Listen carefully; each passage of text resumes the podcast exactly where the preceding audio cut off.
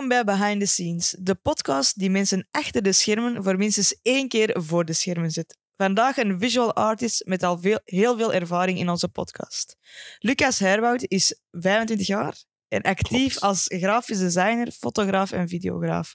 Hij werkte al samen met lokale artiesten zoals Acid, Jong Mavu, Ian Thomas, Laura Tsoro, Dikke enzovoort.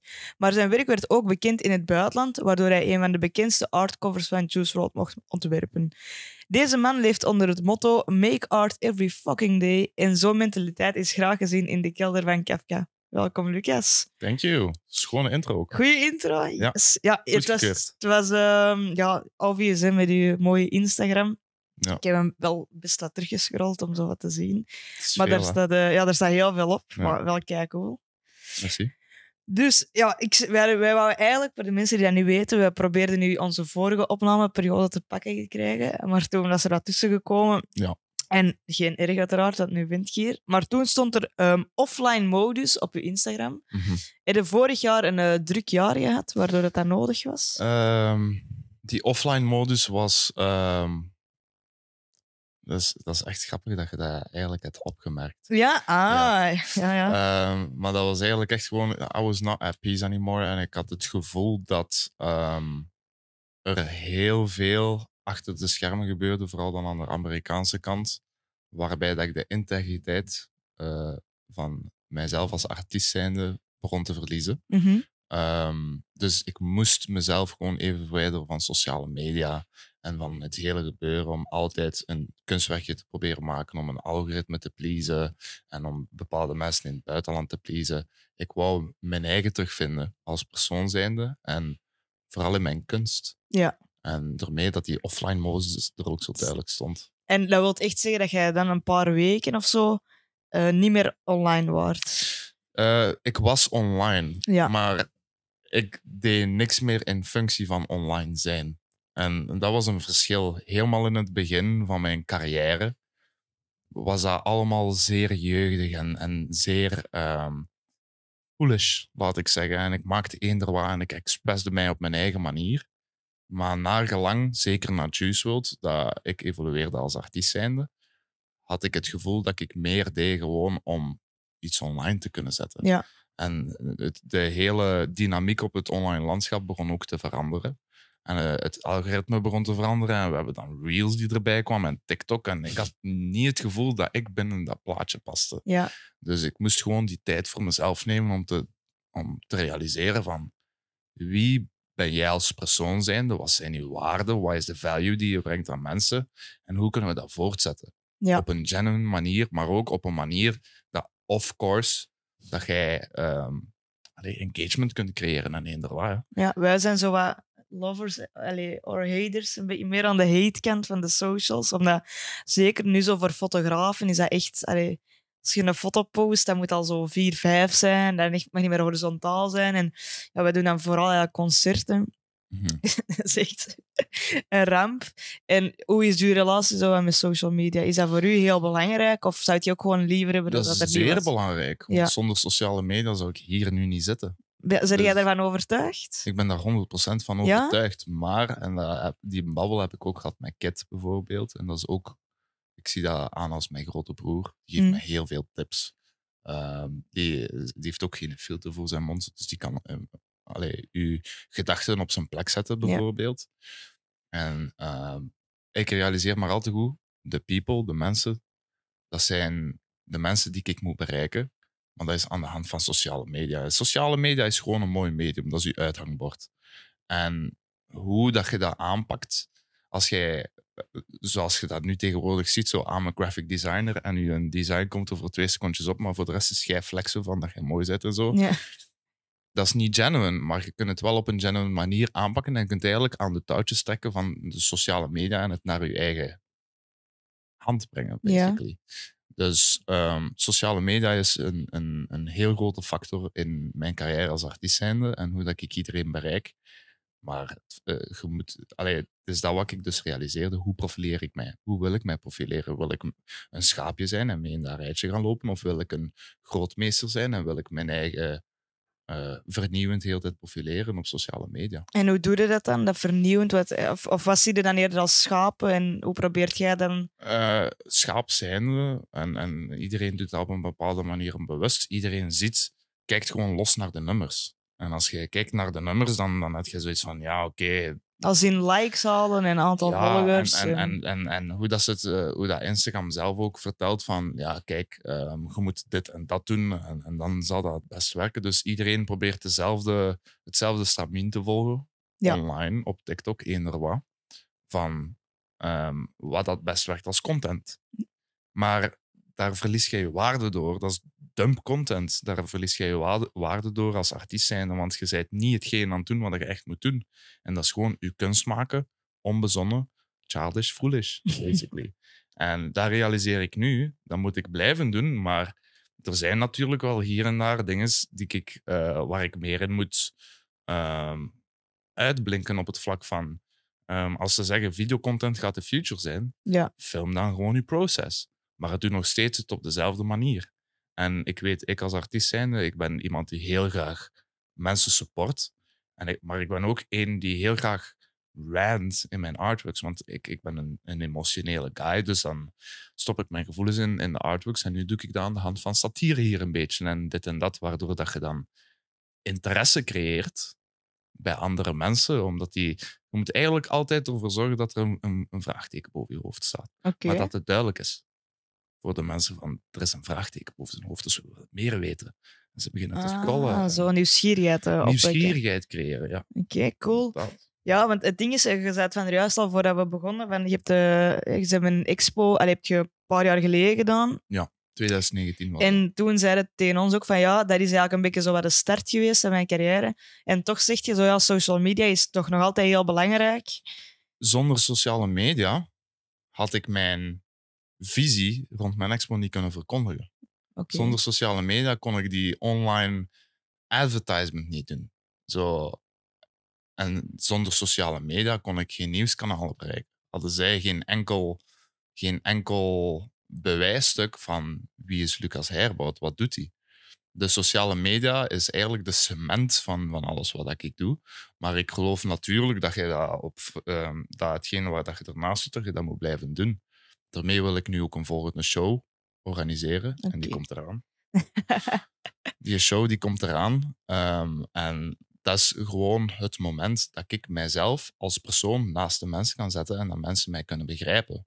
Ja. Maar de sociale media is, is gewoon de game om aan andere mensen te tonen die mij nog niet begrijpen van dat ik een liefdevol persoon ben en dat ik mijn kunst graag maak. En, maar de sociale media daarin is zeer Oké, belangrijk. cool. Ja, over die expo misschien nog. Hoe zag die een eerste eruit? Voor de, ik, ik was er niet.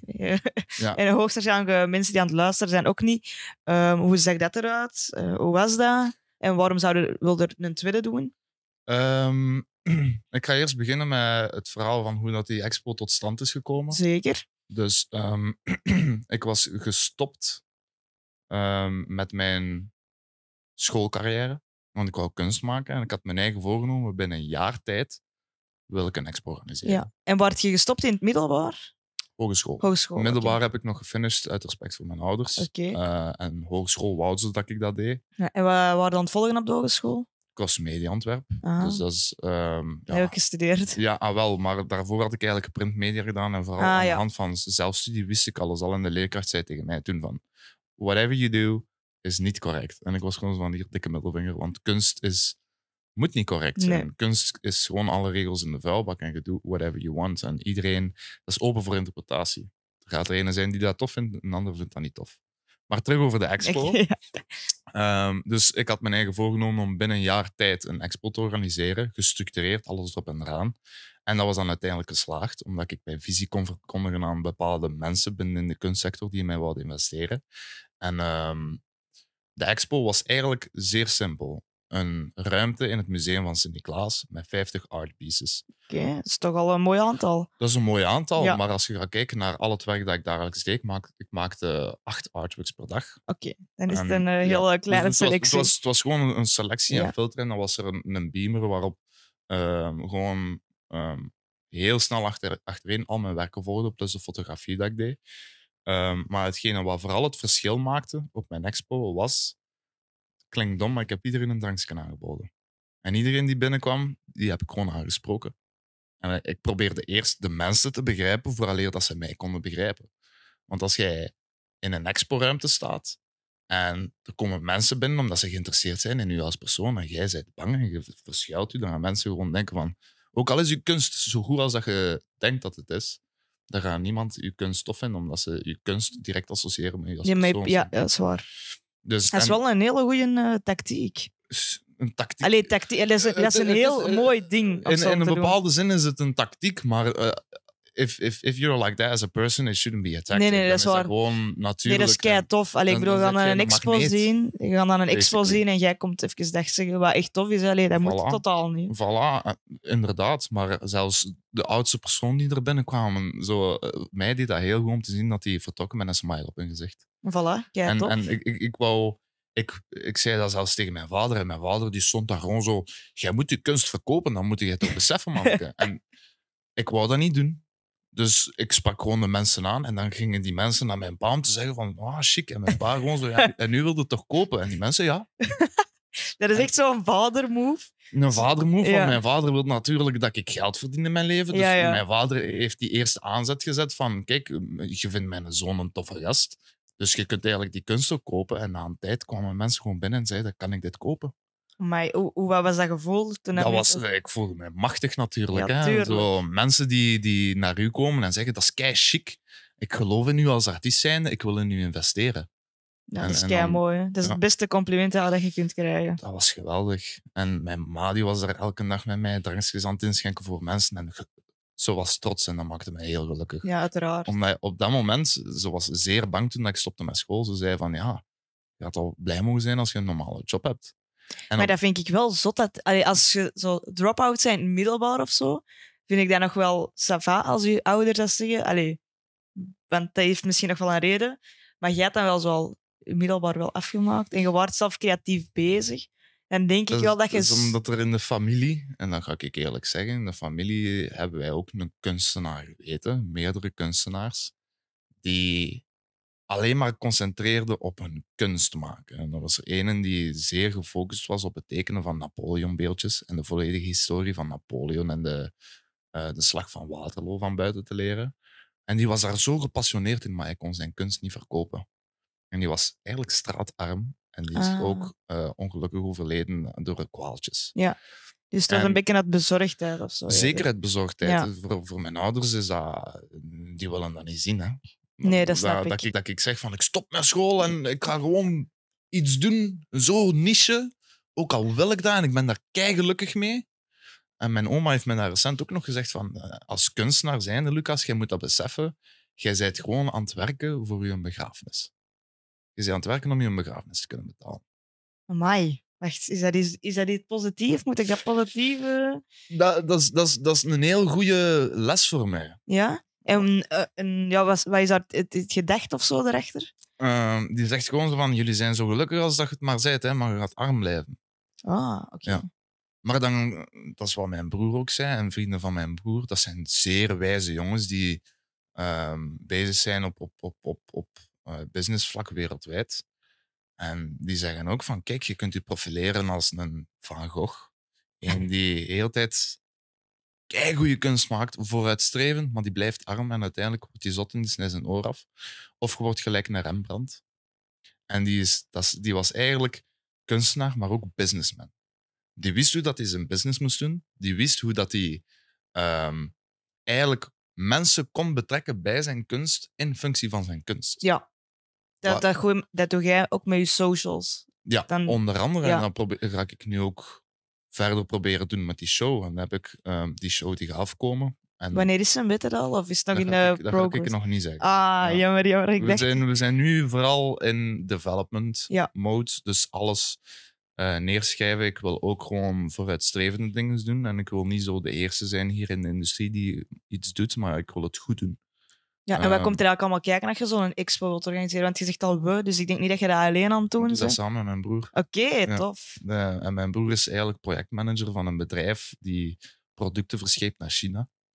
Ehm, dus die weet wel hoe dat ja, wat dat eh is. projecten moeten en hoe dat die bedrijven zich moeten profile- profileren in China. Maar wat daar vooral bij komt kijken nu, want wij willen het goed doen, wij willen een gigantische projectsubsidie aanvragen ehm, voor self-development, dus dat eigenlijk op een, een, een, een verloop van meerdere jaren zou uitbetaald worden. En wat komt daar allemaal bij kijken? Ik moet eerst opschrijven wie ben ik als persoon zijnde, wat doe ik, wat heb ik allemaal al gedaan en wat is mijn visie voor de toekomst. En dan een businessplan creëren. Ook al als kunstenaar zijnde denk je van, ja, een businessplan, eh, hoe ga ik monetizen van mijn kunst en op welke vlakken ga ik dat doen? Ehm, en dan is dat een cijferbijlage dat jij moet maken, een hele begroting, alles erop en eraan. En eh, mensen die je moet aanspreken, offertes aanvragen, zien wie dat er wel mee wil werken, wie dat er niet mee wil werken. En dan moet je kunst tegelijkertijd ook creëren. En ervoor zorgen dat die kunst goed is en vooruitstrevend is naar je eigen, ehm, ehm, naar je eigen hoe zeg je dat? Naar je eigen gevoel. Ja, En al die dingen moeten dan samenkomen tot één eindproduct, een show. Dat gewoon zo draait. En je moet je visie ook nog kunnen verkondigen tegelijkertijd naar de mensen. En dat lijkt allemaal nu complex, maar van het moment dat je die oefeningsjes aan het doen bent, begint je te beseffen van, ah, dit ben ik als het een, persoon. ja. En het En- een heb je nodig om zo het ander te doen. Ja, en dat, is, dat, is dan, ja, dat, dat loopt allemaal samen. En, en ik merk dat nu op een heel korte termijn ben ik veel beter aan het worden op businessvlak en, en als persoon zijn en hoe dat ik ehm, mijn kunst maak en naar mijn kunst kijk. Maar dat is een heel goede zelfreflectie eigenlijk. Zeker, En zeker. financieel ook. Allee, we kunnen daar, je kunt daar heel braaf over zijn, maar zoals gezegd, als je geen geld verdient, dan kun je moeilijk blijven verder doen. Dus ik denk dat dat wel een ding is dat echt heel belangrijk is, dat je daar ook mee bezig bent. En Ja. er zijn heel veel mensen die daar zo wat schaamte in hebben. Van ja, ik, ik ga nu dat investeren of ik ga nu dat doen. En dan denk ik, ja, nee, nee je bent, je bent in nog altijd een ondernemer dat kunst maakt of fotografie of weet ik wat doe. Allee, dat is belangrijker, dat financieel vlak. Tuurlijk. En, en ook het financiële vlak is een, is een maatstaf van hoe dat je je eigen waarde schat als artiest zijnde. Vind ik toch. Als jij als artiest zijnde ehm, zegt van, kijk, ik, ik, ik, ik wil alles voor u doen, en die fout heb ik ook gemaakt, ik wil alles voor u doen, en jij mocht mij 50 euro betalen voor weken aan werk. Dan gaat iedereen gewoon over u lopen en denken van, we kunnen die toch gebruiken voor wat. Want is, is, eh, onbewust schat hij zijn eigen zo laag. Ja, dat is wel zot, hè. Mhm. Ik vind dat... eh, dat, is- dat, is, dat is gewoon op je strepen staan, je Ja. lijn trekken en zeggen van, kijk, ja, en de meesten betalen wel. Zo. Allee, tuurlijk. dus eh, Als ze echt mee willen Ja. werken, kan ze betalen. dat is waar. En dat is, dat is, dat is, dat is een. Allee, je moet in je eigen geloven als persoon, je kwaliteiten als persoon zijnde, ehm, dat jij, dat jij een, een value kunt leveren aan, aan mensen. En als die mensen in je value geloven, dan wil die eender wat betalen. Dat is waar. Ja. Want eh, hoe heb je dat in, want hoe lang zeg je nu eh zelfstandige dan? Dat is mijn zesde jaar. Zesde jaar. Hoe was dat in het begin? Allee, financieel, hoe heb je dat gedaan? Eh, ik, ik heb niks financieel gedaan. Ik heb gewoon iedereen gestuurd. Ja. Ik heb gewoon gezegd van, yo, let's work. En ik verwachtte geen geld. En mensen zeiden het zelf van, maar allee, je doet dat zo goed, hier is geld. En na een tijd was mijn vader wel zo, jij moet geld beginnen verdienen. En manneke, je hebt hier wel je, je sociaal, allee, je, je- je zelfstandig statuut. Ja. Jij moet, jij moet geld zien te regelen. En nu, nagelang de jaren, en, en ook omdat, vooral omdat ik met Amerikanen heb gewerkt, en die kunnen soms zeer eh, bewust gebruik maken van uw kunst. En- Als in, hoe en van bedoel uw diensten gewoon. Zo, ehm, zij, zij, ehm, het is eh, een heel vaak een mentaal spelletje in de kunstwereld. Dus ehm, als eh, jij zegt van dit is mijn waarde en zij gaan zeggen nee, wij betalen niet zoveel voor waarde, ook al zijn dat de grootste artiesten in de wereld, wilde jij plooien. Dan zeg jij van ah, oké, ik ga het doen omdat ik geloof dat daar iets uit zal komen. En zij maken daar gewoon gebruik van en dan wordt, jij, wordt je naam er niet bij genoemd en wat, waardoor dat je uiteindelijk voor een kleiner bedrag iets kei chic hebt gemaakt. Maar niemand weet dat. Zeg jij goed in onderhandelen?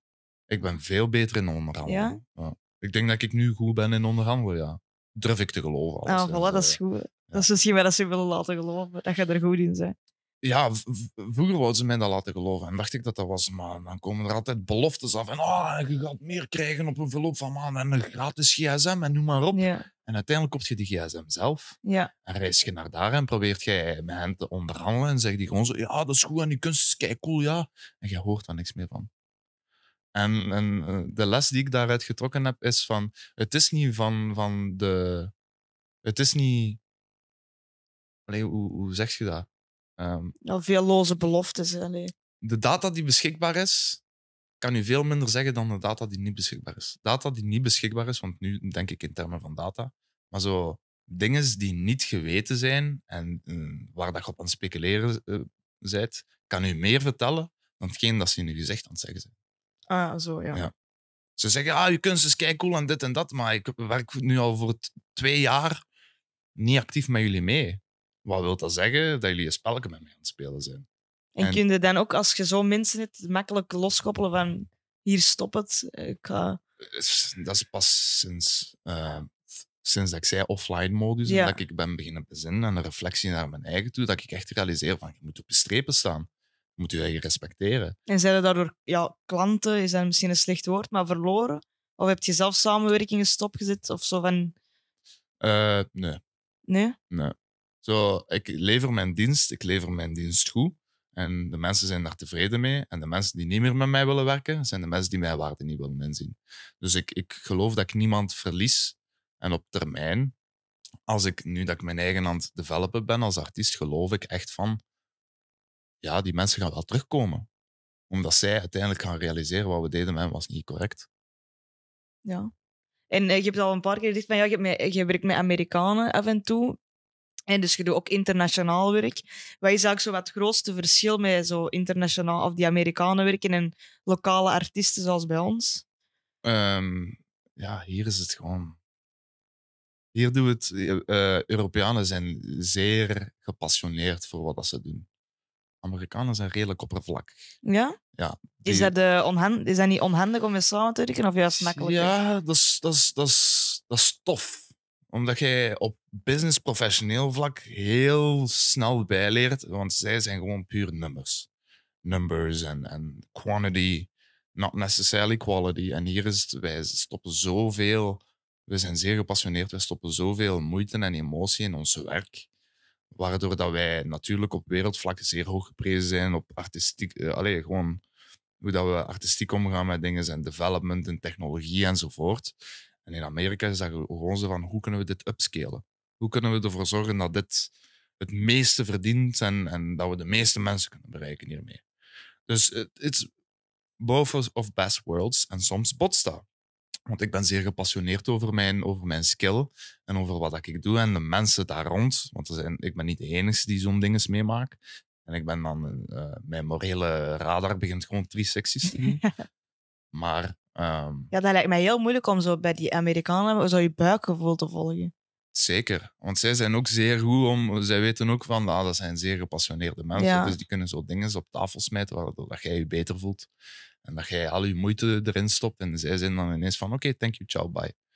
Ja, dat, is heel, ja, dat lijkt mij heel moeilijk wel. Toch zeker, jij, jij dan zeker heel veel. Je ziet ook op de socials en zo dat jij daar heel veel mee bezig bent. Ja. En dan is dat zo, zoals gezegd, en numbers, dat is heel oppervlakkig.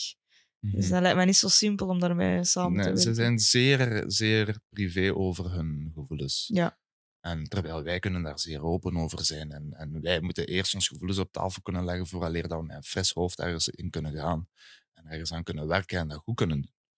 En bij hen is dat gewoon zo, by the flick of a switch kunnen die gewoon zo, ik zou niet zeggen wolvenmentaliteit, maar wel zo eagle eyes op iets en gewoon ervoor gaan. En dan zit je zo van, ja, maar ik voel mij daar niet goed bij. En zijn gewoon zo van, oké, ja, dan hoort je daar niet bij. En ehm, uw eerste internationale opdracht, hoe heb je die eigenlijk eh, kunnen krijgen? Expo. Eh, De expo, oké. Ja. En eh, hoe is dat dan gebeurd? Licht een keer uit. Ehm, dus die expo had ervoor gezorgd dat, ik, dat er heel veel ogen op mij geworpen werden in de industrie. Ehm, eigenlijk mijn allereerste officiële betaalde internationale project was Juice WRLD. Oké. Ja. En is dat dan, dat is misschien een heel onbeleefde vraag, maar gaat dat dan echt om veel geld in vergelijking met waar dat je hier eh, zou krijgen voor Ja. de cover art? Ja, Dat ga- ja, ja. Dat, dat, sowieso. Ja. Dat sowieso. Maar als we gaan kijken op commercieel vlak en de, de commerciële volumes die daarin gepusht worden. ehm, en er is ook zoiets, een, een, een zeer duidelijke geschreven wet in, de, in, in, in het Europese gerecht van een artiest wordt verloond voor zijn werk, maar moet ook, zeker als er commerciële exploitaties zijn o- op je werk, moet een persoon ook auteursrecht krijgen. Ja, ja. Want ehm, ik lever bijvoorbeeld iets van werk, maar dan wil dat ook zeggen dat, er, ehm, dat mijn werk wereldwijd gebruikt gaat worden, waardoor dat mijn werk, mijn originele creatie, minder origineel wordt. Want iedereen probeert daarvan af te kijken en, en dat wordt overal gebruikt, waardoor dat ik eigenlijk minder kan verdienen. En dat is, dat is een. Dat is een Nou, dat je copycats krijgt. En dat gebeurt zeker, hè, Nee. van Tokio tot in Barcelona tot in Australië. En, en dat is iets waar ik, waar, waar ik mij bewust van ben geworden en iets wat ik gevoeld heb. Maar Wist je dat toen al, toen je die opdracht kreeg? mijn pa zei mij dat. Oké. Dat, is wel echt... Mijn pa, mijn pa zei mij dat, maar ik, ik heb mij daar niet in geëngageerd. Terwijl dat, ik heb mijn papierwerk wel gedaan. In de zin van, eh merci aan mijn pa vooral. Ehm, en- Shout-out Ja, papa. shout-out papa. Ehm, maar mijn papierwerk was al in orde. Dus aan de hand van facturen, je hebt je terms of service en eender wat, waarbij dat je gewoon je termen verduidelijkt van hoe dat mensen met je moeten werken. Ja. Maar zelfs jij bent nog steeds degene die gaat negociëren eh, binnen in een project en noem maar op. En, ehm, En heb jij ehm, aan dat artwork alleen... Want hoe gaat dat dan in zijn werk? Hè? Dus die contacteren nu...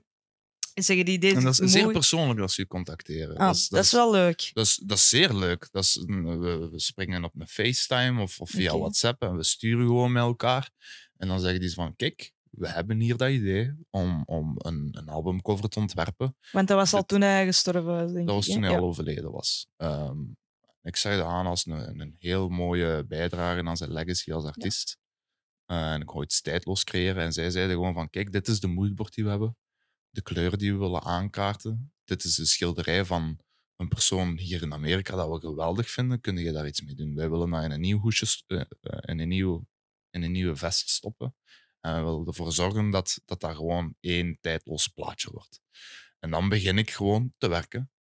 En, en ik luister naar zijn muziek dan en ik verdiep mij totaal in die artiest en ik probeer mij in zijn schoenen te stoppen.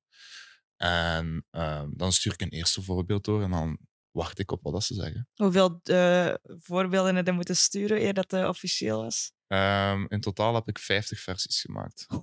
Ja. Maar dat kan snel gebeuren. Hè? Ja, Dat, dat, dat, dat kan een bloemetje zijn die aangepast wordt. Of in het begin, als ik daarop terug ga kijken, het eerste wat ik had gemaakt was echt stond lelijk. En zij zei, zeiden zelfs tegen mij van, eh, is dit de official artwork? En ik Mm. zei, nee, nee. wij moeten hier samen op een eindresultaat komen. Dus let me know what you want. Alles kan aangepast worden. En dat zeg ik trouwens tegen iedereen hier in de industrie altijd als ik werk van, alles kan aangepast worden. Je moet daar niet op branden. Ik ben niet een persoon die zegt van, hier, ik lever iets aan en trek je plan daarmee. Nee, ik probeer altijd ervoor zorgen dat wij een mooi eindresultaat bekomen.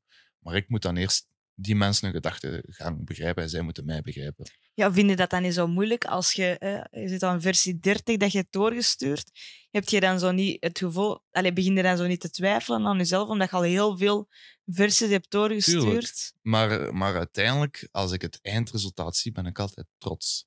Ja, het, Omdat- is echt, het is echt mooi. Merci. Maar er waren andere versies die, als ik eerlijk mag zijn, nog mooier waren. Oké. En ze hebben uiteindelijk de beslissing genomen om die ene cover te nemen, omdat die commercieel Het beste zou werken. het beste zou werken. Ja. En meer geaccepteerd zou worden door meerdere mensen. Maar er was iets anders waar dat echt in de detail, dat er zoveel hints in werden gestopt en, en, en eh, Ah, aanwijzingen naar de artiest zelf en zijn verleden enzovoort. Waarbij dat ik dacht van, dit is zo gedetailleerd dat dat dat is echt... gaat ja. werken. Ja. En op kleurenvlak en hoe dat ik mij eigen had gedeveloped als artiest zijn binnen in dat project, dat dat echt gewoon zo prachtig was. Ja, ik vind er nu ook echt fan van. Want eh, je hebt dat dan samen met dat team gemaakt. En eh, je hebt gezegd, het was niet slecht betaald. Maar heb je er buiten het, het financiële ook nieuwe klanten? Of heeft dat echt deuren Ongelooflijk geopend? veel. Hè? Ja? Ten eerste de respect die ik heb gekregen binnen de industrie. En, en voor mij ongelooflijk veel voldoening, omdat ik wist van, kijk, ik stop hier heel veel werk in mijn kunst. En uite- uiteindelijk kan ik iets doen dat op wereldklasse of ja, op wereldniveau geapprecieerd wordt. Want toen dat je dat postje deed, hè, ik heb een cover voor Juice WRLD gemaakt. Wat waren de reacties? Het blew up. Ja? Eh, enerzijds heel veel mensen hier binnen in de industrie die eh, mij een klopje op de schouder hebben gegeven en zeiden van, goed gedaan, maat. Wij wisten dat je dat kon doen. It was just a matter of time. Ja. En dan was er een andere kant, en dat was vooral langs de Amerikaanse kant, mensen die mij begonnen te verwijten van, eh, verwijten van ik had dat idee ook. En je bent een Oh. slechte artiest. En, en toen zat ik zo van, hè, wat is er aan de hand? Ja. Want, want er waren heel veel mensen die mij begrepen en eh, mijn kunst. En ik als kunstenaar zijnde, dat die dat konden appreciëren. En andere mensen die gewoon zoiets hadden van, wij hadden het dan moeten zijn. Niet jij. Oh, maar echt zo misgunnen. Misgunnen, een boze oog werpen op mij. En, en dat heeft me ook zeer gedaan natuurlijk. Ja, tuurlijk. Ja, tuurlijk. En heb je eigenlijk ehm, direct ja, mails of zo, of telefoons gekregen van andere artiesten die wouden samenwerken? Of heeft dat zo wat op zich Dat- laten Dat wachten? heeft op zich laten wachten, want mensen moesten eerst ook begrijpen wat er was gebeurd. Want Ja. ik was nog steeds eerst dat jongetje die zeer lokaal bezig was. En ik ben dan opeens volledig stilgevallen. En ineens drop ik van, hey, ik heb iets gedaan. Ja. Het beste album ter wereld. Op dit moment, meest verkocht. En mensen wisten niet wat er gebeurde. Maar ik kreeg direct telefoontjes binnen van de VRT en van de M&M en Ah, Studio Brussel. En die ze van, wauw, hoezo heb je dat gedaan? Ja. En eh, voor mij was dat een trots moment dat ik kon tonen van, dit is Ja, kijk, cool. Ja. En word je toen ook al eh, zo sp- ehm, spraakzaam? Want je bent zo een verlegen persoon. We heb je eigenlijk vanaf toen geleerd om zo heel trots over je werk te praten? Was altijd al zeer trots over mijn werk. Ja. En ik kon er altijd al zo op die manier over praten, want anders kon ik niet stoppen met school ook niet. Ja. Ik, ik, ik moest zeer gepassioneerd zijn over mijn, over mijn werk en eender waar. Ik, moest, ik ben de eerste die daarin geloofde, vooraleer de andere mensen daarin konden geloven. Hm.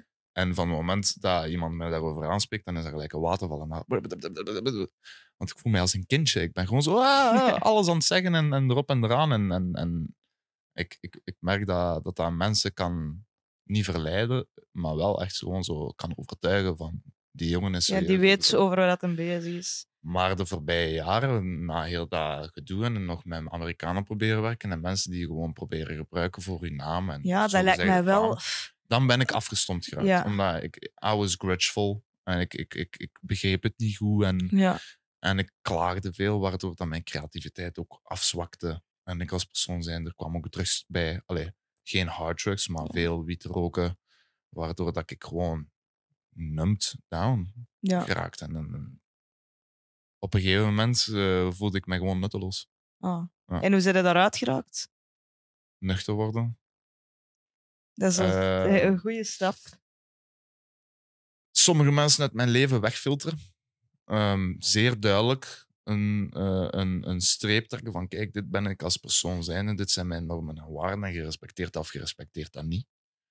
En je rug, eigenlijk je rug leren draaien naar bepaalde personen die je op dat moment gewoon meer mentaal bezighouden dan dat ze je mentaal eh, ondersteunen en Ja. positief voeden. En vooral beseffen van, je hebt al de nodige mensen rond u. Dat zijn geen... Allee, hoe zeg je dat? Zo, je, hebt, je hebt vrienden op, eh, waarmee dat je graag uitgaat enzovoort enzovoort. En dat is allemaal goed en wel. Maar er zijn altijd kleine factoren die je onzeker maken enzovoort. Maar er is één selectie aan mensen in je leven die er altijd voor je zullen staan. En dat is je moeder, je vader, je broer, Die kern. de kern. Ja. En dus nog een, een vriendinnetje of zo. Maar dat zijn die type mensen waar dat je mee moet omringen. Want zij gaan altijd naar je luisteren zonder je slecht te laten voelen. En, en, en dat is de menselijke aard. Hè? Mensen gaan je onbewust slecht laten voelen omdat zij zich slecht voelen. Dus nu alleen maar omringd met positieve mensen. Nu omring ik me alleen maar met positieve mensen. Ja. En ik merk ook, van het moment dat ik dat doe, ben ik zeer zelfzeker en ben ik positief. En dan trek ik zoveel nieuwe mensen aan. Dat is logisch, hè? Zoveel nieuwe opportuniteiten, omdat ik ben niet meer in een positie waarbij dat ik mensen slecht laat voelen. Want onbewust doe ik dat ook. Ik laat Mm. mensen slecht voelen omdat ik onzeker ben. Ja, dat is, ja, dat is wel een gekend ding, denk ik. Als je je omringt door goede mensen, dan word je zelf ook beter van. hè. Ja, sowieso. Zo. En ja, toch zeker als je iets of wat creatieveling hebt. Als ik dat nu op mezelf betrek, als ik een slechte dag heb en moet foto's gaan nemen, dan, eh, dan vind ik ook dat je dat in die foto's ziet. Dan gaat de, mensen gaan dat misschien minder zien of zo, maar je voelt dat wel in je eigen werk van pff, dat is de moeilijke of zo. Ja. Of je bent zelf zeker over wat dat je doet, of je bent niet zelf zeker over wat dat je doet. Ja, voilà. en, en, en van het moment, en daarmee wou ik ook offline modus doen. Van het moment dat je te begint te denken in functie van wat de andere mensen denken van u, dan zijn die goed bezig. Want dan ga je altijd je eigen limiteren op, het, op hetgene wat dat je assumeert van wat andere mensen denken. Dat is waar. En nu zit het terug in de online modus. Ehm, dus je bent waarschijnlijk terug heel veel aan het werken. Ongelooflijk veel. Hoe houd je zo wat de balans tussen eh, werken en ontspanning? Plannen. Plannen? Ja. Ah, Yes. Wacht, een, andere wacht, wacht, planner in de wacht. zaal. Ah, we, gaan de, we gaan de agenda zien, denk ik. Dat is de Bijbel. Dus, ehm, ik had mijn eigen voorgenomen eh voor, voor het jaar. Ik heb, ik, heb, ik heb ook een planning voor dat boekje. Ah, wel. Maar ehm, of zo, ik denk realiseerde, wat maakte mij zo goed op school? Ehm, een schoolagenda. En dat is zeer, Echt? dat is zeer Jij bent simpel. team schoolagenda. Maar van het moment dat je op hogeschool komt, op, of eender wat, dan, ehm dan heb jij geen schoolagenda niet meer. Dan mocht je het allemaal zelf regelen. Ja. En vanaf dat moment was er ook veel minder structuur in mijn hoofd. Dus ik ben teruggegaan naar daar en ik heb mijn eigen agenda ontworpen. Dat is een zeer dikke boek. Oh, hoeveel weegt? Cool is. dat is, dat is een bijbel, hè. Maar ik heb dat zelf gemaakt, die een boek. Een masterplan. ja, en in, eh, elke dag staat er een quote in, ook. Ah, maar heel goed, jongen. Als positiviteit. En dat, dat is gewoon, dat is mijn, mijn body of work. En ik ben daar zeer trots op. En ik moet, ik moet dat respecteren. Dat stop deze. Ja. oh, die dus- quotes. Ik ben helemaal fan. Ja, dus... En elke dag is ook, ook gewoon een unieke quote. hè. Ik heb dat allemaal Ja. met de hand geschreven. Ik heb me daarmee bezig gehouden. En omdat, ik, omdat dat mijn body of work is, moet ik dat ook respecteren. Dat is waar. Dus nu heb ik zo... Allee, er staat hierin dat ik elke dag vanaf 7 uur kan beginnen werken.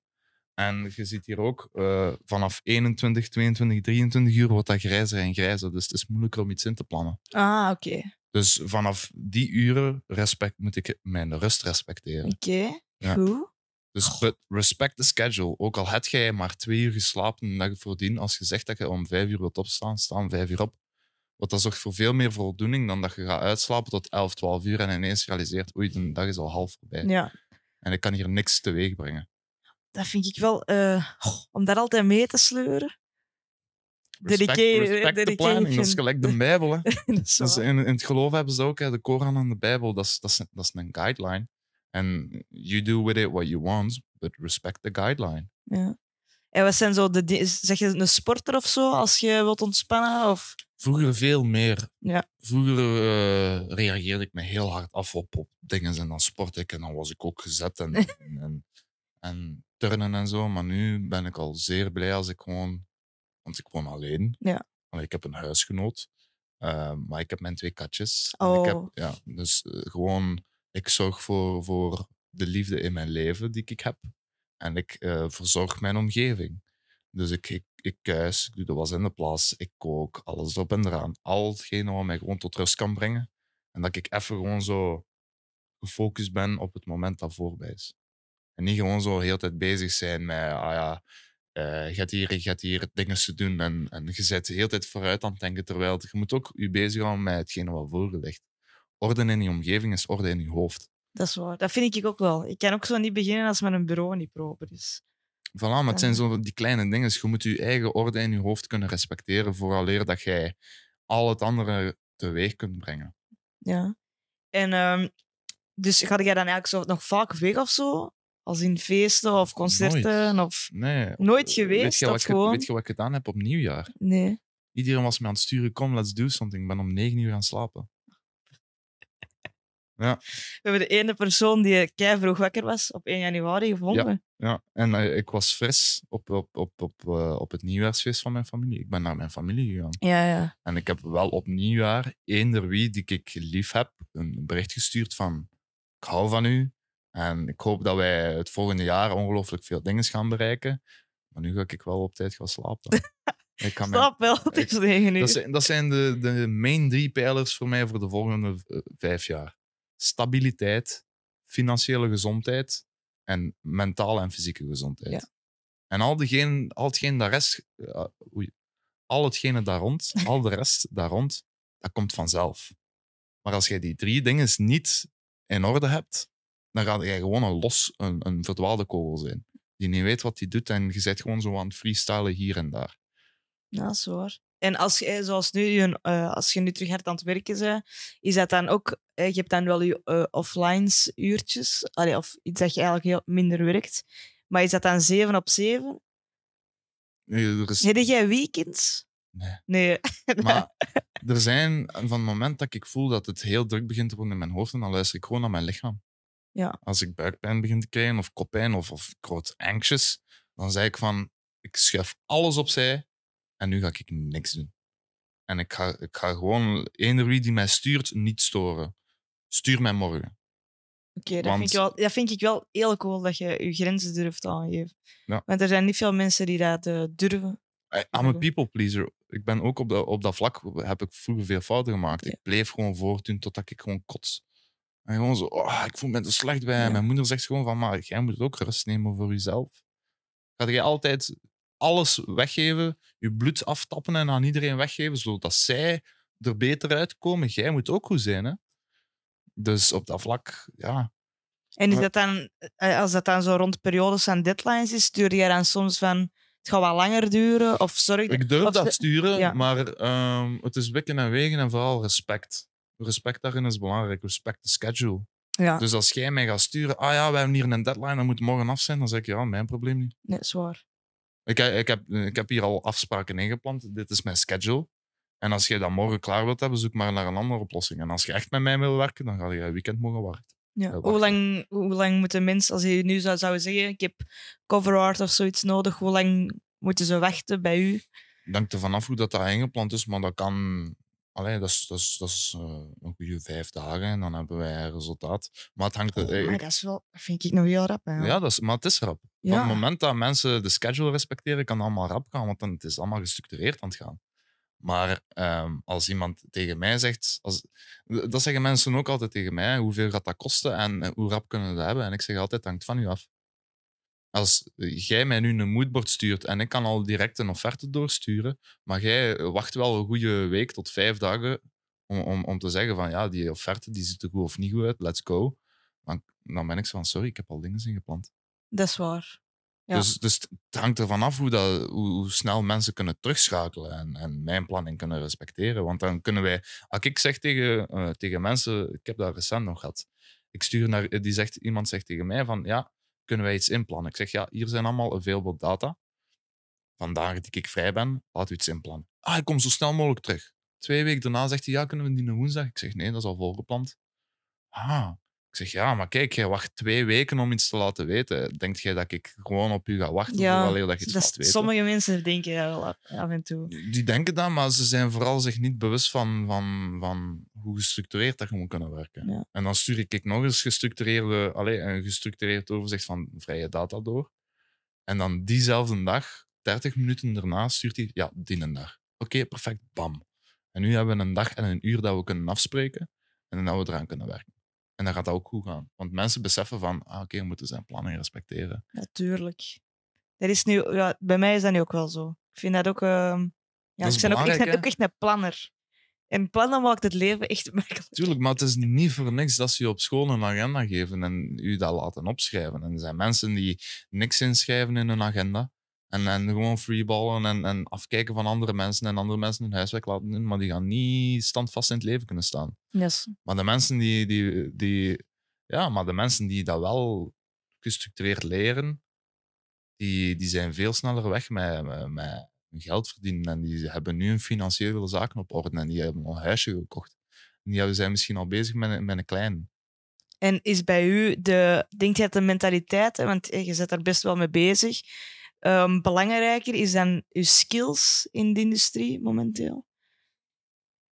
Eh, skills, talent is sowieso één ding, maar als jij dat niet te werk kunt stellen, gestructureerd, dan zeg je daar niks mee. Ja, het ding is ook zo, er zijn veel, eh, je hebt harde werkers en die echt tot het einde willen gaan voor het resultaat. En je hebt andere mensen die dat iets minder of zo hebben. Ehm, denk je dan, degene die daar sterker in zijn, in die mentaliteit, dat die verder komen, ook al zouden die hun skill Niet per package se. minder zijn. It's also a big portion of luck.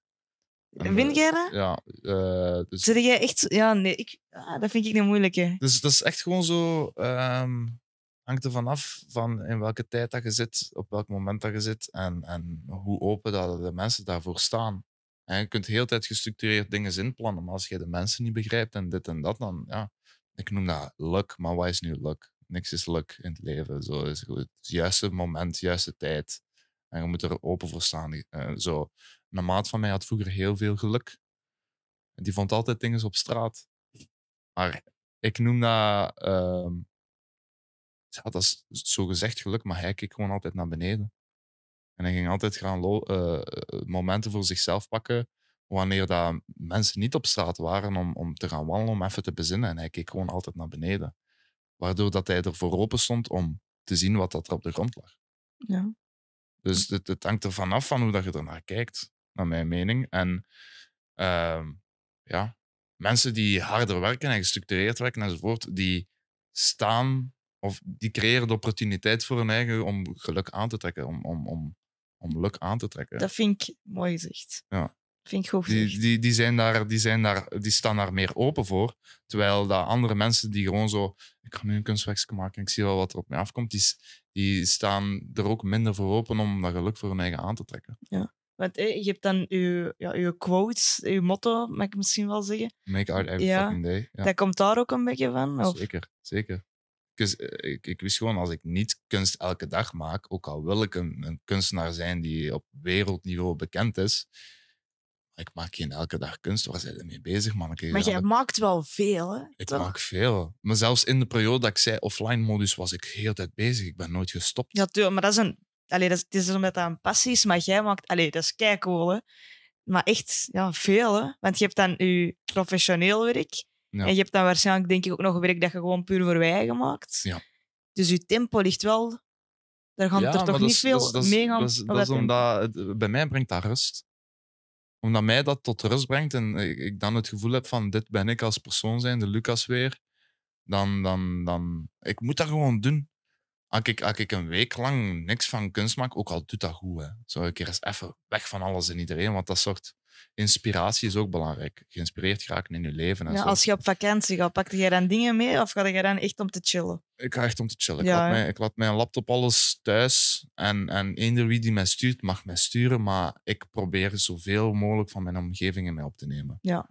Want je moet geïnspireerd geraken. Je kunt zelfs geïnspireerd geraken als we nu in de stad gaan lopen en we kijken gewoon naar boven. Ik, ik doe dat vaak. Hè. Gewoon zo kijken en niemand is tegen mij bezig. Ik ben gewoon boven mij aan het kijken. En die zijn ze van, waar zijn naar aan het kijken? Ik zo, ah, niks. Gewoon zo, ja, de tierlantijntjes, alles erop en eraan. De Zijn er zo'n zo'n paar omgevingen waar jij inloopt dat je echt zo denkt van, allee, dat heb ik nodig om geïnspireerd te worden? Eh, de tuin van mijn ouders. Oké. Ja, dat is gewoon pure natuur. Hè. En dat is, mijn moeder, dat is zo een, een Britse layout type eh, tuinarchitectuur. En dat is gewoon alles doorheen. Ja. Zolang dat je maar rust vindt. En we hebben superveel fruitbomen en, en alles erop en eraan. En grote vogeltjes chirpen. En Jij zou, zou je ooit echt in een stad, stad willen leven? Zou, zou jij hier ik graag woon in in het midden van Sint-Niklaas. Hè. Ja, Ja, is dat een- is niet dat een stad, stad? Dat is, ja, dat is, dat een grijze stad. Hè. Ja. Dat, is, dat, is, dat is een super saai. De jeugd wordt er gewoon naar, eh, weg, weggeduwd, basically. Omdat de oude mensjes willen hun rust Ja. vinden. Oh, oh. Maar zou jij bijvoorbeeld hier kunnen wonen in, in Antwerpen? Maar dan moet ik wel een bos in de buurt hebben. Stadsparkje. Ja. Maar, zelfs, maar zelfs dat inspireert mij. Ik, ben hier recent in, in de winter met mijn huisgenoten gaan wandelen. En wij zaten op dat moment in een ongelukkige periode. Maar dat heeft mijn leven goed gemaakt. Gewoon Ja. zo de natuur en kijken naar, naar hoe dat mensen bezig zijn met een hond. Of de kinderen die daar tikkertje aan het spelen zijn. Of, of ook al een waterdruppeltje die op het water valt en hoe dat het water aan het uitdijen is en, en alles op en eraan. Dat, Ja. dat inspireert mij. Dat, dat is het ding wel zo bij mensen die ook veel online bezig zijn, dat die ook wel genieten van zo ja, normale dingen of zo. Terwijl mensen die dat tot eigenlijk, ja, gewoon mensen die niet veel online zijn, dat die daar minder bewust mee bezig zijn. Ik vind Ja. dat ook wel altijd. Als ik op vakantie ga bijvoorbeeld, dan probeer ik dat ook nooit mee. Zo camera en zo probeer ik wel thuis te houden. Maar dus ja, een camera pak ik, kan ik wel, durf ik wel mee, eh, meenemen. En ik heb ook gemerkt vroeger toen ik op vakantie was en ik pakte zo mijn camera mee. dat- mooiste beelden kwamen daaruit. Gewoon omdat ik probeer gewoon hetgene wat mij inspireert vast te leggen. Ja. En dan kan ik daarop terugkijken en dan denk ik bij mij van wauw, dat was echt Dat goed. chic. Maar eh, op, eh, op de dag van vandaag, met de, de druk waar, waaronder dat ik sta, probeer ik wel echt gewoon mij volledig af te sluiten van al die momenten. Van, van al dat werk en probeer ik mij in die momenten te verdiepen en echt zo één te zijn met waar dat ik ben. Want eh, je, je bent met veel binnen dingen bezig, grafisch design, fotografie, NFT's. Hoe zorg je ervoor dat je dat eigenlijk allemaal op on point houdt? Eh, see for what it is, not for what it could be. Dus niet te, lang, niet te veel lange termijn denken en gewoon denken aan hetgene wat je voor je hebt en hoe dat je dat gestructureerd kunt oplossen. Een deur is wel een beetje aan het bonken. hè. Ja, zijn dingen. En er straks zouden er mensen naar boven aan het wandelen, dus misschien zijn die naar beneden aan het wandelen. Ja. Maar dat is niet zo erg. Maar ehm, ja, dat is wat ik geleerd heb in de garage. Want ik heb eerst, vroeger toen ik parttime zelfstandig was, heb ik in een garage gewerkt eh, voor camions. Ah, dus, En, eh, die een baas, dat was echt een levensgenieter. Oh, ik, ik spreek zo en ah, je moet genieten van dat geld, manneken en alles erop en eraan. Maar als we gaan werken, gaan we werken. ja. En ik kwam daartoe en ik was zeer verlegen. En hij geeft mij direct een camionsleutel. Zegt, ja, breng die camion van van achter naar hier naar voren. Je hebt nog nooit in een camion Ik heb nog gezeten? nooit in een camion gezeten, dus ik ga aan iedereen gaan vragen hoe doe ik dat, dit en dat. En hij, oh, maar manneke, oh, zeut jongen, kom. En die gaat naast mij zitten in de camion en die begint allemaal uit te leggen. Zegt, rij maar, hè. Dus die smijt me echt in dat moment. En maar jij moet zelf eerst kunnen analyseren wat er allemaal aan de hand is. En die, die deed dat met, allee, met een goede portie boerigheid, maar ook rust en respect. En dan zet hij mij voor, voor, voor mijn werkbak. Die zegt, dit is uw hele werkbak. En vooraleer dat gaan iets begint, pakt je alles uit, doet je al je vuil weg van wat je hebt uitgepakt. Je smijt dat niet op de grond, want alle andere mechaniekers, dat zijn vuile mannen, daar moeten niet op letten. Maar je sleutels leg je klaar. De sleutel waar dat je eerst mee gaat werken, leg je als eerst. En dan leg je dat gestructureerd naast elkaar. En dan al je onderdelen ook klaar. En dan, ik doe dat nu ook als ik, als ik, als ik mijn was doe of als ik mijn plooi doe. Ik leg alles zodanig dat van het moment dat ik begin te plooien, dat dat gewoon plooien is. Oké. En dan kun je dat in je kast leggen en je bent klaar. Dus zo, zo, zo pak ik ook alles aan met mijn werk. Ik begin eerst met, eh, met mijn designs, is dat gewoon puur eerst al mijn image assets verzamelen. Die allemaal zodanig zetten dat ik gewoon ongemoeid kunst kan maken. En dan al de rest lost zijn eigen gewoon op. Tekent jij eigenlijk veel op voorhand? Als jij, wat begin jij direct digitaal? Maar ik, ik, ik, ik teken tegenwoordig wel, wel veel meer. Ehm, omdat ik merk dat dat... Allee, vroeger tekende ik altijd mijn schoolboeken vol. En, en dat zorgde voor inspiratie en, en, en om een compositie te vinden. Maar voor- ik begin gewoon direct digitaal. Ja. Voor mij is dat tekenen.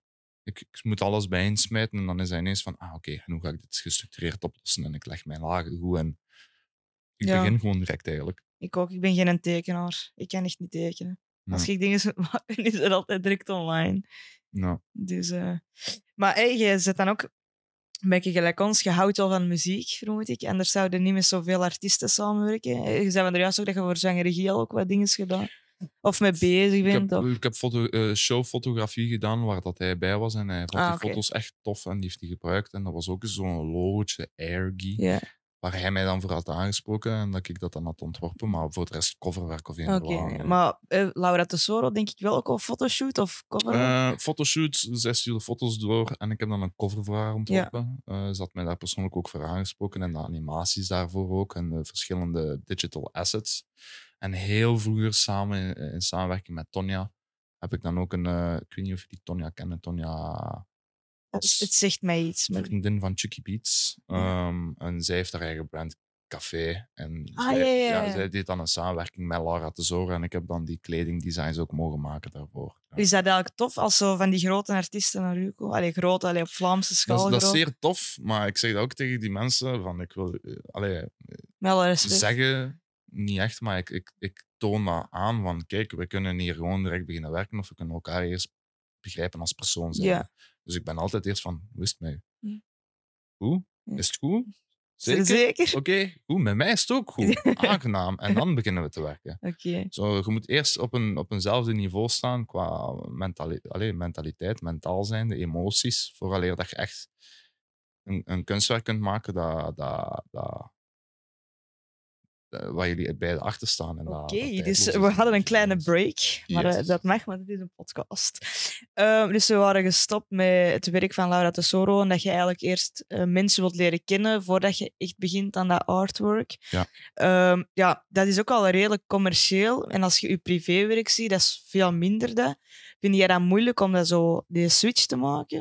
In het begin had ik daar veel moeite mee, omdat ik zelf als persoon wil heel veel van mijn eigen creativiteit erin gieten. Ja. Maar een- op een gegeven moment eh, begreep ik van, kijk, die mensen die hebben hun eigen creativiteit die ze ook erin willen stoppen. Ja. En je moet, dat, je moet hen die ruimte kunnen geven. Je moet hen kunnen gunnen om hun eigen creatief ook te kunnen vinden in hun werk.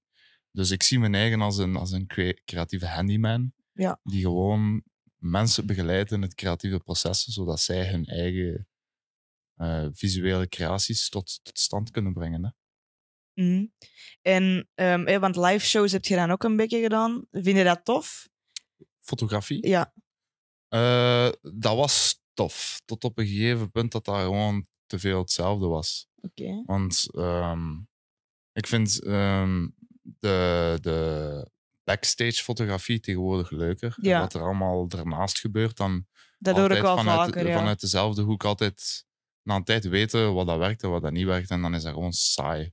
Hoe denk je dat je er nu bijvoorbeeld als concertfotograaf nog kunt uitspringen? Gelijk wij, wij, komen, wij zijn huisfotografen hier, dus wij kunnen niet vaak backstage.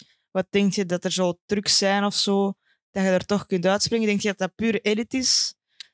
Ja, hoe dat jij werkt met je edits, maar ook eh, de hoeken vanuit waar dat je werkt. Eh, hoe intiemer, hoe beter, denk ik. Ja? Ja, Ja, want, ik ben want- de fotopit vaak beu. Ik ben daar ook na twee nummers ben ik weg. Je mocht er drie doen. Allee, of het moet echt een hele moeilijke show zijn, dan blijf ik wel bij die drie nummers en dan eruit. Maar ik vind dat, omdat ja, iedereen dat daar staat, 9 van de 10 gaat de, dezelfde beelden hebben. Ja, daarmee moeten we ergens staan waar dat de rest niet staat. Ja, en dat is Want- volgens mij niet echt de fotopit. Eh, mm, ju- Juist wel, als de rest niet in de fotopit staat. Je moet gewoon altijd denken van... ehm, hoe kan ik nu ehm, een beeld creëren wat dat andere mensen niet konden creëren? En, en vooral vastleggen, gewoon de intieme momenten vastleggen. Want een artiest als die op het podium staat, die, zijn brein is ook heel tijd aan het werken. Hè, van, shit, hoe kijkt hij nu naar mij? En zelfs een, een traantje die eruit komt of die begint te bloeien uit zijn neus of alles erop en eraan. Die momenten moeten proberen vinden. En, en bij mij, als ik fotografie deed, showfotografie, dat was gewoon aan de lopende band. Echt? Ik moest alles hebben. Na één concert had ik 4000 foto's. En dan kijk ik daardoor en dan herleef ik dat moment opnieuw. En dan ben ik zo van, oké, op dat moment staat die artiest er eigenlijk zeer kwetsbaar bij of zeer intiem. Of... En die, moment, die, die foto's probeer ik dan naar buiten te brengen. In plaats van, van ah ja, oké, de venue zou die foto heel nice vinden, dus oké, let's capture that. En Ja, het hangt ook een beetje vanaf voor wie dat je het doet. Want wij doen voor de venue, dus die willen ook vooral zien dat mensen zich amuseren en Ja, dat de ja. zaal vol is. Ja. Terwijl als je voor een artiest werkt, zijn die backstage-foto's uiteraard interessanter. Ja, maar ook op podium, hè, maar zo de, de intieme momenten moet je echt proberen vastleggen. De momenten waarop dat je ziet dat de artiest op zijn kwetsbaarste is, of op zijn sterkste is. Gewoon zo het moment waarop dat je ziet dat die artiest aan het leven is. Ja. En niet gewoon zo een performance aan het brengen is om de mensen tevreden te stellen. Maar echt zich inleeft in zijn muziek. Doe je dat nog vaak, concertfotografie? Nee? Nee. Go- Gewoon omdat, er, omdat je het niet tof vindt Ik of vind weinig tof. Ik, ik vind het veel toffer om gewoon naast artiesten te staan en te zien hoe dat die zich aan het klaarstomen is. En, want dat inspireert mij ook enorm. hè. Dat is, dat, is, dat is een compleet andere type art. Maar mij inspireert dat ook in mijn kunst, hoe dat ik mij kan klaarstomen om eraan te beginnen. En wat de dynamiek is backstage, hoe dat mensen met elkaar spreken en hoe blij dat die zijn. En de domme pingpongspelletjes die we soms spelen. Of, allee, zo eh, puur het leven. Het leven daar rond en hoe dat die mensen zijn, in plaats van hoe dat zij worden geportrayed door de grote media, basically. Ga jij zelf nog veel naar concerten? Vind je dat een, een tof Ehm, ding? Of zeg je Ik van... ga niet vaak naar concerten, maar ik, ik ben het van plan om dit jaar veel meer te doen. Ja. Ehm, vooral ook omdat heel veel van die artiesten zijn vrienden van mij. En ik wil die supporten. Ja, En ik wil daar voor hen zijn. In plaats van, allee, ik, kan, ik, kan, ik weet gewoon dat dat heel goed doet voor die mensen als je ziet dat jij daar voor hen zijt en hun kunst apprecieert en een hart onder, hun, onder de riem kunt stoppen. Ja, ik vind dat wel tof, concerten. Ik, vind dat Ja. echt, ik zou dat elke dag kunnen doen. Ik vind dat echt... eh, Ja, dat is, dat is zeer eh, very inspirational, maar ik ben ook zeer bewust van mijn eigen tijd en Ja. wat ik wil bereiken. Dus ik spend daar, spendeer daar eigenlijk te weinig tijd. En, want je, werkt ja, je werkt ook met veel artiesten en muziek en dingen. Hoe voelt je daarbij? Want die, die plekken zijn wel zo beperkt. Dus voel jij je dan zojuist vereerd? Of heb je zoiets van, ja, dat is logisch dat die naar mij komen? Ik sta daar niet bij stil. Nee? Nee, nee dat, is, dat zijn vrienden van mij. Oké. Zo, eh, bij mij is dat zo een moment van ontspanning en let's chill for a minute en laten we elkaar beter begrijpen. En ik voel mij in een zekere zin zeker vereerd dat veel van die mensen mij aanzien als vriend en dat ik een, een bron van inspiratie en motivatie ben voor die mensen. Dat doet goed. Maar ik ga dat niet naar mijn hoofd laten stijgen, Nee. want dan ben ik aan mijn asshole. Want zit jij eigenlijk nog moeilijker om mee samen te werken, denk je? Want hè, als je zo met die van artiesten samenwerkt... Uh, er nog wel zo vaak management Ik, en ik zo. kan moeilijk zijn om mee samen te werken, zeker als mensen niet begrijpen van waar dat ik kom. Als ik zeg van die structuur moet er zijn en we moeten gestructureerd werken, maar achteraf zien mensen altijd in van damn, dat heeft mij wel beter gemaakt. Want bijvoorbeeld als je zo fotoshoots doet, is dat dan met een team dat jij meepakt? Of echt jij en de camera? Ik, ikzelf en iemand die ik hier en daar vertrouw uh, op vlak van belichting of een die, Ja. die gewoon zo zijn emoties kan afzetten als ik zeg van hier, pak dat snel hier voor mij. Ja. Zodat dat hij dat niet persoonlijk of zo Ja, aanpakt. Want er zijn ook heel veel mensen, die, eh, jeugdvrienden en zo, die mij willen helpen, maar die van het moment dat ze er staan, zijn die echt gewoon zo van, wat is hier allemaal aan het gebeuren? Ah. Want ik ben gewoon zo snel aan het werken. En er komen zoveel ideeën door en die proberen dan ook ertussen te babbelen, terwijl ik zo ben van, respecteer de stilte en laat mij mijn ding doen. En, En heb jij zo een afgewerkte ja, dat, schets of zo voordat je begint? Of dat is gewoon. Ik kan, dat go. doen, ik kan dat doen, maar ik, meestal vraag ik van, hoe ziet jij het zelf? En eh, ik vraag meestal naar al bestaande beelden. Ja. Van welke images vind je cool? En dan analyseer ik die gewoon. Zo van, hoe wordt dat licht daarop toegepast? En, en wat is de styling? En wat is de angle? Welke lens wordt er gebruikt? En van het moment dat we gaan shooten, is, is het eigenlijk gewoon gelijk een jam sessie. Puur, puur gewoon, let's jam en let's do some things. En in het begin zie je dat ook bij mijn foto's. Eh, Dat je zo me- nog aan het zoeken zo. dat gaan het zoeken zijn en dat de mensen er gewoon zo, er zo staan en niet weten hoe dat ze zich moeten gedragen. En ik ben dan gewoon zo, it's okay, just do you. En hier is een spiegel, kijk niet naar mij, kijk gewoon in de spiegel. En dan op een gegeven moment komen die mensen los. En hoe heb je eigenlijk al die dingen geleerd? Hè? Want je zet dan. Ja, ik denk niet dat je creativiteit echt op school kunt leren, maar bijvoorbeeld hoe dat je mensen kunt poseren of op je gemak stellen of zo. Dat zijn wel. Ja. Puur mijn intuïtie. En ik kijk natuurlijk naar, naar, bepaalde, eh, naar bepaalde documentaires en zo, waarbij dat ik zoiets heb van, tja, oké, dat is een goede manier om dat Ja. toe te passen. Maar ik, ik ben een autodidact, hè. dus ik leer heel veel op mijn eigen en dat is het beste, het best, de beste manier om het te leren. Ik moet iets voor mij zien, vooraleer dat ik het zelf kan doen. En, eh, Want zijn jij ook veel mee geweest als zo second man of zo? Als in. ik, heb dat, ik heb dat heel vaak in het begin gedaan. Ja. En, en ik vind dat niet erg. Nee, natuurlijk. De, de quotes van vandaag in mijn agenda trouwens. Oké, hoe? Ik ga die voorlezen. Is, en dat is een belangrijke. Before kings and queens, there were servants. Oké, voilà. Dus eh, dat is ook van toepassing hier. Zo, je moet eerst je in die positie kunnen zetten dat je gehumbeld bent en dat je kunt leren. En je moet ehm, very childish die vragen kunnen stellen van wat is dit, wat is dat? En die mensen die dan in een, in een functie staan, eigenlijk hoger op en dat zij eh, kwaliteit leveren, die zijn ook zeer blij om dat te kunnen uit. Want iedereen is altijd zo van, kan er iets bij leren. En dus eh, je moet je zeker inhouden op dat vlak om, om te vragen. Zou jij ooit zo iemand, als iemand dus stuurt van hey, ik zoek hulp of ik heb eigenlijk iemand nodig die veel beter is dan mij en ik wil kunnen leren, zou, en iemand stuurt u daarvoor, zou jij dat doen? Of zit Dat jij is, daar... al, dat is al gebeurd, Ja. En, En? en ik heb dat toegelaten. En er zijn vaak mensen die mij daarvoor sturen. En tegenwoordig is dat een beetje moeilijker, maar ik plan dat in. Ja. Er is bijvoorbeeld ehm, een, een jongen uit Oekraïne, ehm, die hier nu in België zit. En die zei van, kijk, ik ben heel vaak bezig met creativiteit en met filmen en met produceren. En ik zit, ik zit vast met mijn eigen, want ik begrijp de Belgische mensen niet. Belgische mensen zijn Gesloten. gesloten, ingetogen, die beschermen hun eigen. En ik heb gewoon tegen hem gezegd van, kom af. kom gewoon naar mij thuis af en ik wil eerst u leren kennen als persoon, maar er is hier ook boven een studio waar dat je je bezig mee kunt houden. Laten we iets gaan eten en I'm gonna show you the way how it's done. En die gaat afkomen. En we gaan ons gewoon bezighouden met kunsten creëren. En dat is het belangrijkste. Gewoon zo dat jij mensen een safe space kunt geven om hun eigen te ontwikkelen als persoon zijn en als artiest zijn. Dat vind ik wel mooi, want er zijn er niet veel die dat doen.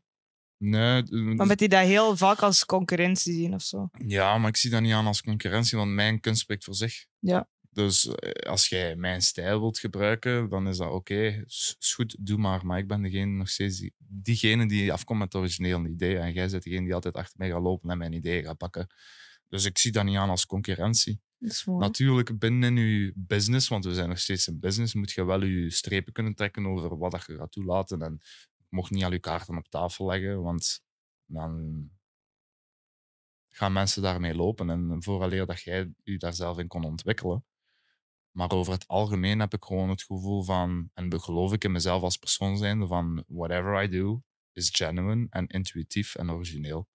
Dat is waar. Dus ik twijfel daar niet over. Zo. En dan misschien nog eh, het laatste vraagje. Ehm, heb je zo één project waar dat echt kei tof was? Eh, Een van je leukste projecten? Dat je zegt van, ik vond dat leuk, daarom. Eh, alle werken die ik doe met Elliot. Ik weet niet of jullie Elliot kennen. Ali. En is dat een Amerikaan ook, of niet? Dus, eh, nee, dat is een, een jongen die niet ver van mij woont. Ah, Eh, nee. Die kan zeer goed zingen. Die heeft ook al dingen met Tasca gedaan, met Chucky. eh, alles erop en eraan. Maar bij hem is dat zo intuïtief hoe dat we werken. Het laatste, eh, een van de projecten, You're Still Young, ehm, wisten we niet hoe dat we de cover gingen aanpakken. En ik zei gewoon van, hier is een blad papier, schrijf al uw doubts, al uw fears, alles op dat blad papier. En daar is een blad papier en schrijf al uw dromen en al uw wensen op. En dan hebben wij al die bladeren gepakt, we hebben die in de fik gestoken. En we hebben die over elkaar gelegd. En dan heb ik daarop geschreven, You're Still Young. En dat is het eindresultaat. Oké, cool. Gewoon, eh, bij hem doen we het gewoon voor de kunst en we proberen ons in een positie te zetten om ongemoeid kunst te maken zonder judgment en, en te veel denken van wat gaat een ander ervan denken. Bij hem gaat dat altijd zeer, zeer kinderlijk intuïtief gewoon. Omdat hij ook zeer artsy is ingesteld. Oké, dat is wel tof om mee samen te Ja. werken dan. en soms eh, zit hij ook in de knoop en dan, dan komt hij gewoon naar mij en begint hij te schilderen. En zitten we naast elkaar, ben ik aan mijn ding, ding bezig, is hij aan het schilderen, vraagt hij tips rond hoe dat, dat schilderij, schilderij eruit ziet. Vraag ik hem tips van hoe ziet mijn kunstwerk eruit. En dat, dat loopt altijd zeer, zeer goed. Zeer, eh, hoe zeg je dat? Intuïtief, hè? Voilà, dat is het Ja. woord van vandaag, denk ik. Intuïtie. Ja. Volg je intuïtie. Oké, cool. Heb je nog eh, dingen dat je moet pluggen of tips dat je wilt geven aan beginners? Ehm, het enige wat ik kan zeggen, heb lief. En, en sta open voor liefde. En liefde is gewoon de, het, het, het draagvlak van je kunst. Liefde voor jezelf, liefde voor anderen. En, en als je echt. En ik heb dat bij vorige interviews ook altijd gezegd, maar gewoon die liefde voor jezelf en voor de kunst en voor de mensen gaat ervoor zorgen dat jij gaat geraken waar dat jij wilt geraken. Als je altijd in een persoon, eh, een persoon bent en je in een, in een positie zet van grudgeful zijn en denken dat iedereen tegen je is en paranoia enzovoort. I mean, that could work. Maar op een gegeven moment gaat dat kaartenhuisje in elkaar storten. Dus wees gewoon een goede, eh, goed persoon. Zo, en verdiep, wees niet bang om je te verdiepen in bepaalde concepten, geloven, die uiteindelijk inspiratie kunnen bieden voor, voor je kunst. Zo, wees liefdevol en al hetgene wat je doet gaat liefdevol zijn en al hetgene wat je gaat ontvangen gaat liefdevol zijn. Alright, ik denk dat dat een kei goede eindiger is. Ja. Dan eh, wil ik, dan wil ik eh, u bedanken om te komen voor de Met tijd. plezier. Dan eh, wil ik ook alle mensen bedanken die geluisterd of gekeken hebben. En dan zijn wij er binnenkort terug. Ciao.